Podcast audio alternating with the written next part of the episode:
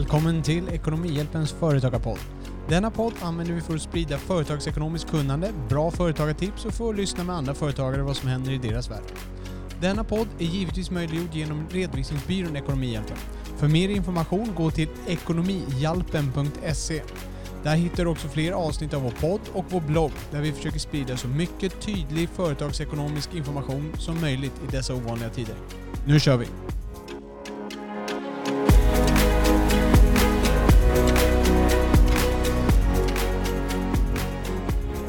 Och där ja, tillbaka i eten. Eh, vi kommer med eh, nya ting. Så fort regeringen har något nytt så måste vi följa efter i någorlunda rask takt. Eh, det har ju om, eh, beslutats om omställningsstöd och att det ska förlängas. Omställningsstödet har ju funnits ett tag men det ska nu förlängas. Och då tänker kanske, menar de nu omsättningsstöd, det som gäller enskilda firmor? Nej. Vi kommer ta omsättningsstödet, det som gäller enskilda firmor och handelsbolag.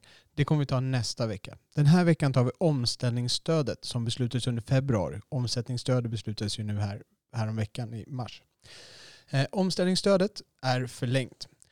Eh, vi går in på det på en gång. Eh, omställningsstödet det är alltså det som man får för att man har tappat omsättning. Trots att det heter omställningsstöd för aktiebolag, aktiebolag och stiftelser och andra juridiska personer så heter det omställningsstöd. Sen finns det ett omsättningsstöd som då gäller enskilda firmor. Men omställningsstödet är ju då baserat på att man har tappat omsättning. Man har alltså beslutat att förlänga det här stödet. Det har funnits sedan mars där man har kunnat ansöka för perioderna från mars eh, och framåt tidigare till och med juli 2020. Så mars 2020 till juli 2020. Det har man kunnat ansöka om tidigare men nu har de förlängt det. Och det de har förlängt det med till en början är att det är fram till och med februari. Så det är augusti 2020 till februari 2021. Och jag kan också lägga till att de perioderna som var innan, de går inte att ansöka för längre. De gamla perioderna, alltså mars 2020 till juli 2020, de månaderna går inte att ansöka omställningsstöd för längre. Det var sista, eh, sista augusti tror jag var datumet för det. Men det går alltså att inte att ansöka för de perioderna längre. Nu har det dock tillkommit nya perioder. Det är augusti 2020 till och med februari 2021. Sen har de också aviserat om en förlängning att omställningsstödet ska gälla även för mars och april 2021. Men det här måste godkännas av EU-kommissionen och det ligger fortfarande och väntar på godkännande. Och om det blir godkänt, vilket vi förutsätter, så kommer det vara samma nivåer som gäller för perioderna november 2020 till februari 2021. Så att om ni sitter och planerar på de här mars-april och gärna skulle vilja ha med dem också, då är det samma villkor som för november 2020 till februari 2021 och vi kommer ju komma in på det här nedan. Så om vi går in på omsättningstappet, de kraven som gäller då på omsättningstapp, hur mycket omsättning måste du ha tappat? Under augusti till oktober 2020 måste du ha tappat minst 40 procent. Det är mer än de 30 procent som var tidigare. Så att under de perioderna när vi satt och hade förhoppningar om att det här corona kanske inte var så farligt ändå. Nu var det slut och nu kan vi börja ta igen vår ekonomi. Eh, ja, då, då var det lite mildare. Så där behöver man haft ett omsättningstapp på 40 procent för att få stöd där. Därefter för perioden november 2020 till februari 2021. Så november till februari, där behöver man bara inom situationstecken ha tappat 30% av omsättningen för att få vara med och söka det här stödet. Och när man jämför med, när man då ska ha tappat, då måste man jämföra. Då tittar man då på augusti-oktober 2020 och så jämför man det med augusti-oktober på 2019 för att se hur mycket man har tappat i omsättning. Och då måste man alltså tappa 40% för augusti-oktober och samma jämförelse november till februari där, då är det 30%. Och här måste man komma ihåg att när man jämför februari, eller förlåt, när man jämför januari och februari 2021, då tittar man fortfarande på 2019. Så när man ska jämföra december 2020, då jämför man det med december 2019 och så ser man hur mycket omsättning man har tappat däremellan. När man jämför januari 2021, alltså 2021, då tittar man på januari 2019. Inte 2020 utan januari 2019, två år tillbaka i tiden. Det är en EU-regel som säger det och det finns väl visst sunt förnuft för att eh, eh, jag kan tänka mig själv bara att de här första månaderna i året de kan ju ha drabbats av corona redan då i någon utsträckning. Så att man jämför med 2019-siffror, man jämför inte med 2020-siffror fastän man kommer in på 2021. Så det är de omsättningstapp man måste ha haft. Minst 40% under månaderna augusti och oktober. Att man ska tappa omsättning. Och då ska alltså omsättningen ha minskat med 40% under augusti till oktober. Och sen under november till februari behöver den bara inom situationstecken minska med 30% för att man ska få vara med och ansöka. Om vi sen går över på stödnivån. Det är den procentsats som vi kommer gångra med längre ner när vi kommer till själva beräkningen. Eh, då är det så här att under perioden augusti-oktober 2020 då är det 75% av fasta kostnaderna för små företag. Det kommer komma en abrovink på det här med beräkningen så jag använder de här termerna nu. Och november till februari då höjer de det till 90% av fasta kostnader. Så man ökar stödet under november till februari. November 2020 till februari 2021. Då får man 90% av fasta kostnader för små företag. Stora företag får bara 70 procent det är 70% rakt av. Så inga, inga skillnader där mellan de olika perioderna utan det är 70%. Och vad är då små och stora företag? Små företag, det är nog alla vi som lyssnar på den här och rör oss i den här världen. Det är om man har maximalt 10 miljoner euro. Det är alltså över 100 miljoner kronor i omsättning. Eller balansomslutning. Och man har Eh, fler än 50 anställda. Då är man ett stort företag. Så man är ett litet företag om man har under 10 miljoner euro i omsättning eller balansomslutning och om man har färre än 50 anställda.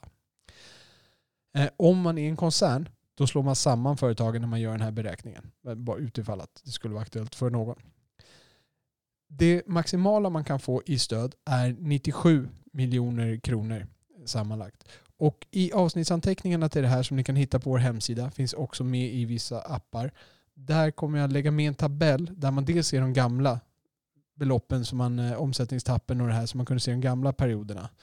Men jag lägger även med de här nya perioderna i en tabell så man kan se vad det är för omsättningstapp och vilken stödnivå det är som gäller för de olika perioderna. Om vi då går vidare till hur man beräknar det här omställningsstödet, hur mycket pengar får man, så är det en ny beräkning. I den förra regeln då tog man 75% gånger hur mycket man hade tappat i omsättning i procent. Det var ju tvunget att vara minst 30% under vissa perioder och sen mer. Men man tog 75% gånger hur många procent man tappat i omsättning gånger de fasta kostnaderna och så mycket fick man. Nu har de gjort om den här beräkningen så för de här nya perioderna, augusti och framåt, så ska man istället ta fasta kostnader minus täckningsbidrag och summan av det tar man gånger stödnivå. Och jag förstår att det är jättemånga som va? tappar det här direkt när vi sitter och lyssnar. Men vi ska gå igenom det här i lugn takt och jag ska förklara det här och det kommer att landa ganska bra tror jag. Sen kan man gå in på avsnittsanteckningarna och läsa och titta och se där för att formler är som sagt alltid lättare att se än att höra. Så låt oss först titta på den första delen i den här formen. Vi har fasta kostnader minus täckningsbidrag. Och fasta kostnader, de har vi talat om tidigare. Det är precis samma som vi haft tidigare. Och det är inte alla kostnader man har på 50 och 60, men det är mycket av de kostnader man har där. Det är hyra och leasing, det är räntor som visserligen ligger långt upp. Och när jag säger 50 och 60, då tänker jag balansräkningen och bokföringskonton. Räntorna ligger ju inte där, de ligger högre upp. Avskrivningar ligger inte heller där. Men de får också tas med. Så jag, jag raddar igenom de här fasta kostnaderna. Hyra och leasing, det är räntor, det är planmässiga avskrivningar. Det är reparation och underhåll av inventarier till viss grad. Fastighetsskatt, fastighetsavgift, vatten, el, avlopp, uppvärmning. Det är dock inte tillverkningsel. Alltså om du har el i industri så får du inte räkna med den elen du har för att tillverka. Utan det är mer elen du har på kontoret och sådana här saker. Det är telefoni och data, det är städning, det är sophantering, larm, bevakning, eh, tvätt av textilier är en, eh, är en liten egen abrovink där. Eh, det är tvätt det är tjänster gällande tvätt av textilier till den del kostnaden inte är beroende av mängden om avtalstiden är minst tre månader. Jag vet inte när det här blir så jätteaktuellt men den ligger med där i alla fall. Eh, vissa försäkringar får man ta med. Det är de som är för sakskada, eh, ersättningsskyldighet eh, om man har förmögenhetsskada. Sådana försäkringar får man ta med. Djurfoder, fasta franchiseavgifter. Så har man franchiseavgiften i en restaurangkedja kanske som är med Eh, ni har, en franchise då, i restaurangkedja, då får man ta med de fasta avgifterna. Inte de del, den delen av avgifterna som är provisionsbaserade. Utan fasta avgifter får man ta med. Om man har tillsyns eller kontrollavgifter, om man har royalties eller licensavgifter, återigen är det där fasta delar som man betalar på dem. Man får inte ta med sånt som företaget kan undvika med skäliga åtgärder. Om det är kostnader som man skäligen kan undvika får man inte ta med dem. Och man får heller inte ta med kostnader hänförliga till verksamhet i utlandet. Och när jag gick igenom det här så märkte jag att det saknas en del grejer kan man tycka. Redovisningskostnader, revis revisorn, allt det där. Det kan man känna en viss grad är fasta kostnader. Men de till exempel är exempel på sånt som inte ingår. Om det är någonting ni är osäker på så finns det ganska mycket på nätet om det här. Jag har lagt med den här listan i avsnittsanteckningarna, de saker som ingår i de fasta kostnaderna.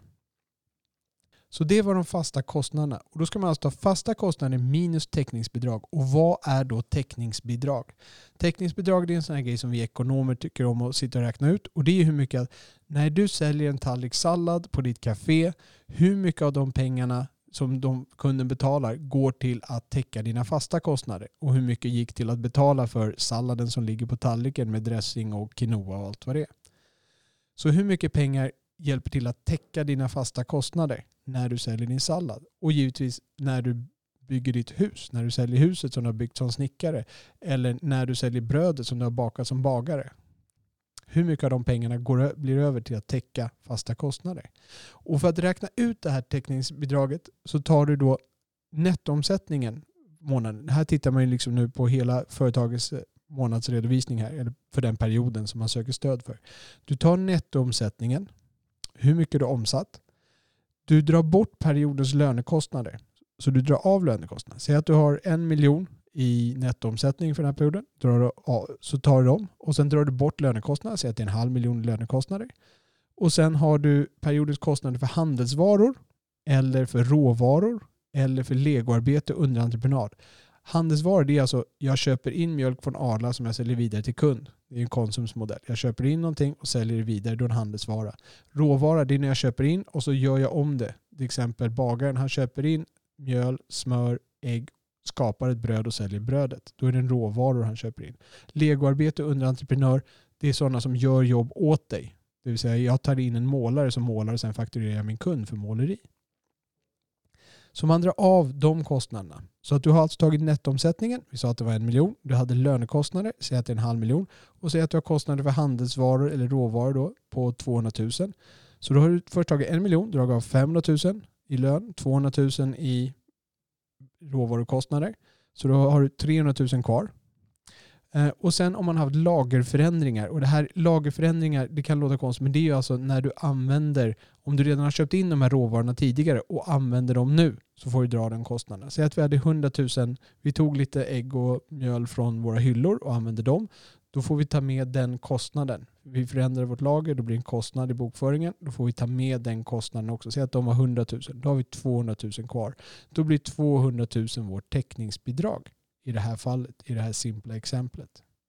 Så formen är alltså, vi tar våran, våra fasta kostnader och drar av det här täckningsbidraget.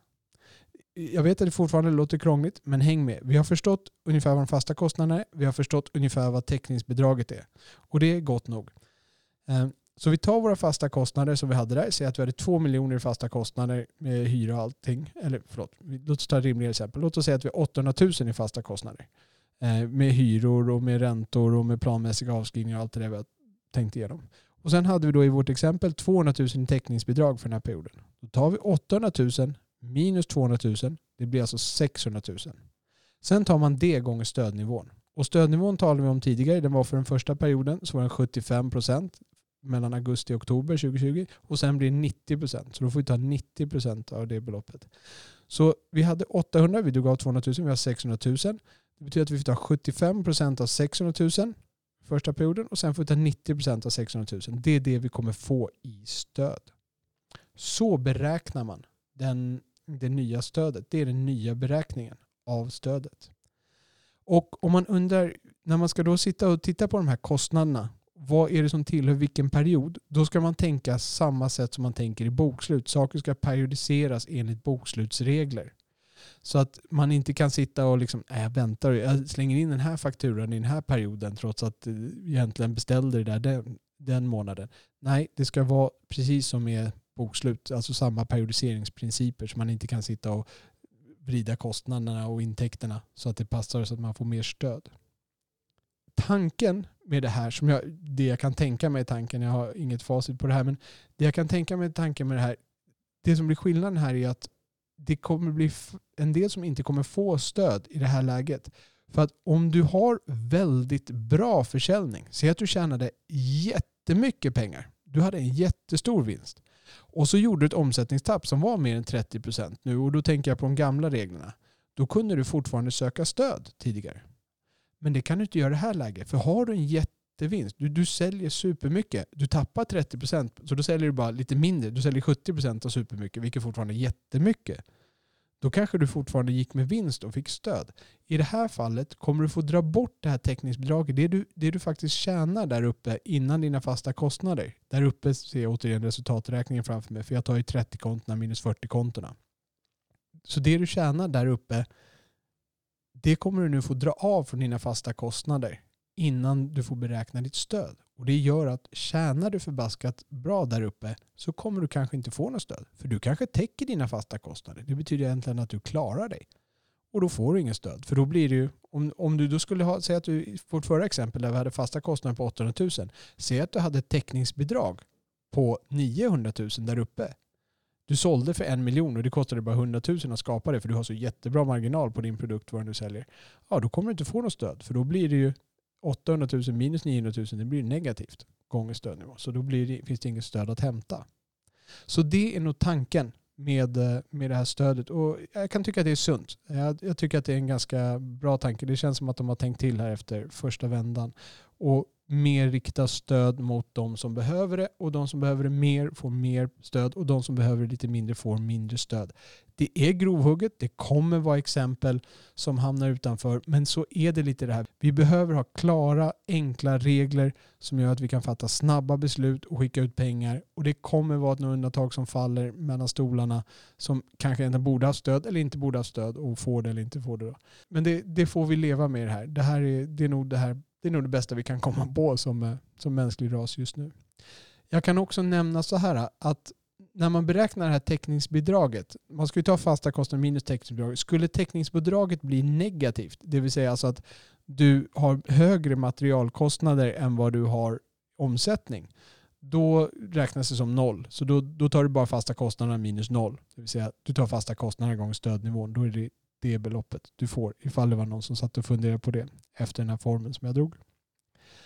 Så det är hur vi beräknar det. Som sagt, gå in på hemsidan och titta på texten där lite grann så tror jag att ni förstår lite bättre vad, hur det går till att beräkna det. Jag tänkte också gå igenom vad vi har för krav för omställningsstöd och sedan hur man ansöker innan vi känner oss klara. Kraven för omställningsstöd, det, är en del, det, det mesta känner vi igen. Du måste ha F-skatt. Det finns undantag för stiftelser, föreningar, bostadsrättsföreningar, trossamfund och sånt där. Sen måste du minst ha 250 000 kronor i omsättning i senaste bokslutet före 1 maj 2020. Så att man tittar på ditt senaste bokslut som var innan 1 maj 2020 och tittar på din omsättning. Den måste ha varit minst 250 000 kronor.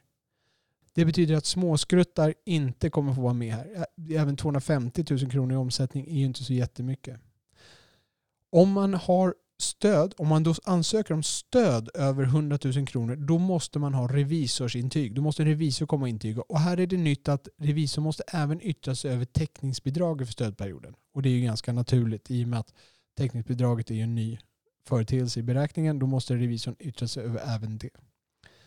Man får inte heller ha gjort någon vinstutdelning eller återföring av aktieägartillskott. Det är de, det är de kallar värdeöverföringar här. Och det är främst vinstutdelning och återföring av aktieägartillskott. Och återföring av aktieägartillskott den är viktigt att man kommer ihåg. För man tänker så här kanske att det ska väl inte göra någonting. Det är ju pengar jag har lånat ut till företaget inom citationstecken. Nej, i de här reglerna räknas det som värdeöverföring.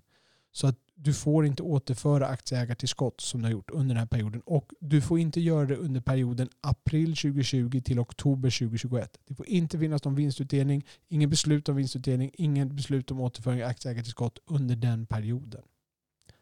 Viktigt att komma ihåg. De är stenhårda på det här. Vi har flera kunder som gjorde lite mot bättre vetande. Alldeles i början i krokarna där i mars vet jag en kund som tog det där Ehm, tog en utdelning som egentligen var på ett bokslut som var från hösten 2019. Så han tog en utdelning i mars 2020. Fick nekat, fick ingen korttidspermittering i det fallet. Och det är ju samma regler här. De är hårda på det där så ta ingen vinstutdelning. Återför inga aktieägarskott. Gör inga värdeöverföringar om ni vill söka det stödet. Man får inte heller vara på obestånd. Man får inte ha några skatteskulder hos Kronofogden. Så att man kan alltså ha negativt på skattekontot men det får inte ha överlämnats till Kronofogden. Då blir man nobbad. Att vara på obestånd det är att man inte kan betala sina räkningar som var den tidigare punkten.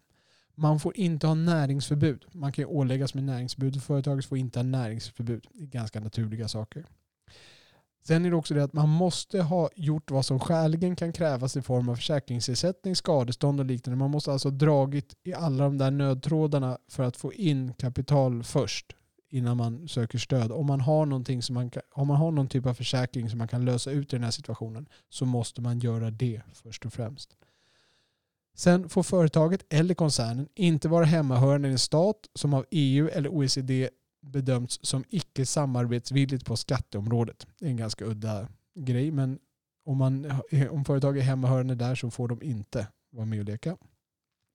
Man får heller inte ha verksamhet finansierad med allmänna medel. Det vill säga kommunen kan inte ansöka om det för de, är, de går ju på skattepengar. Så det är de krav som finns där. De flesta är ganska naturliga och vi känner igen dem från annat. Och slutligen då, hur ansöker man? Man ansöker om det här hos Skatteverket. Jag lägger med en länk till sidan här i avsnittsanteckningarna. Den kan ansökas från den 25 februari. Den är alltså öppen redan nu och sista datum är 30 april 2021. Så att den är öppen redan nu sedan ett par veckor tillbaka. Man kan ansöka om det här nu och sista datum är 30 april 2021. Och det man kan ansöka för det är alltså perioderna augusti 2020 till och med februari 2021. Det kan man ansöka för nu. De här två perioderna, mars och april, de är återigen inte beslutade än utan vi väntar på godkännande från EU på de eh, perioderna. Så det var det jag hade om omställningsstödet som har förlängts här nu som blev klart för ett par veckor sedan och att man kan ansöka om det. Har ni några frågor eller funderingar på det här så gå in på avsnittsanteckningarna på vår hemsida och skriv en kommentar. Vi försöker läsa och svara där varje dag så vi försöker vara snabba på att svara där. Gå in och ställ frågan. Hur liten den är, om, känn inte att den är dum. Vi tycker om att få sitta här och spela smarta. Så snälla, skriv en fråga där om ni har någon fundering på det. Om ni tycker att någonting behöver förtydligas, om ni saknar någonting. Vi hjälper jättegärna till på den biten. Så skriv en kommentar där så svarar vi. Med det så avrundar jag här och jag tackar för uppmärksamheten så här långt. Kämpa på där ute, kör hårt!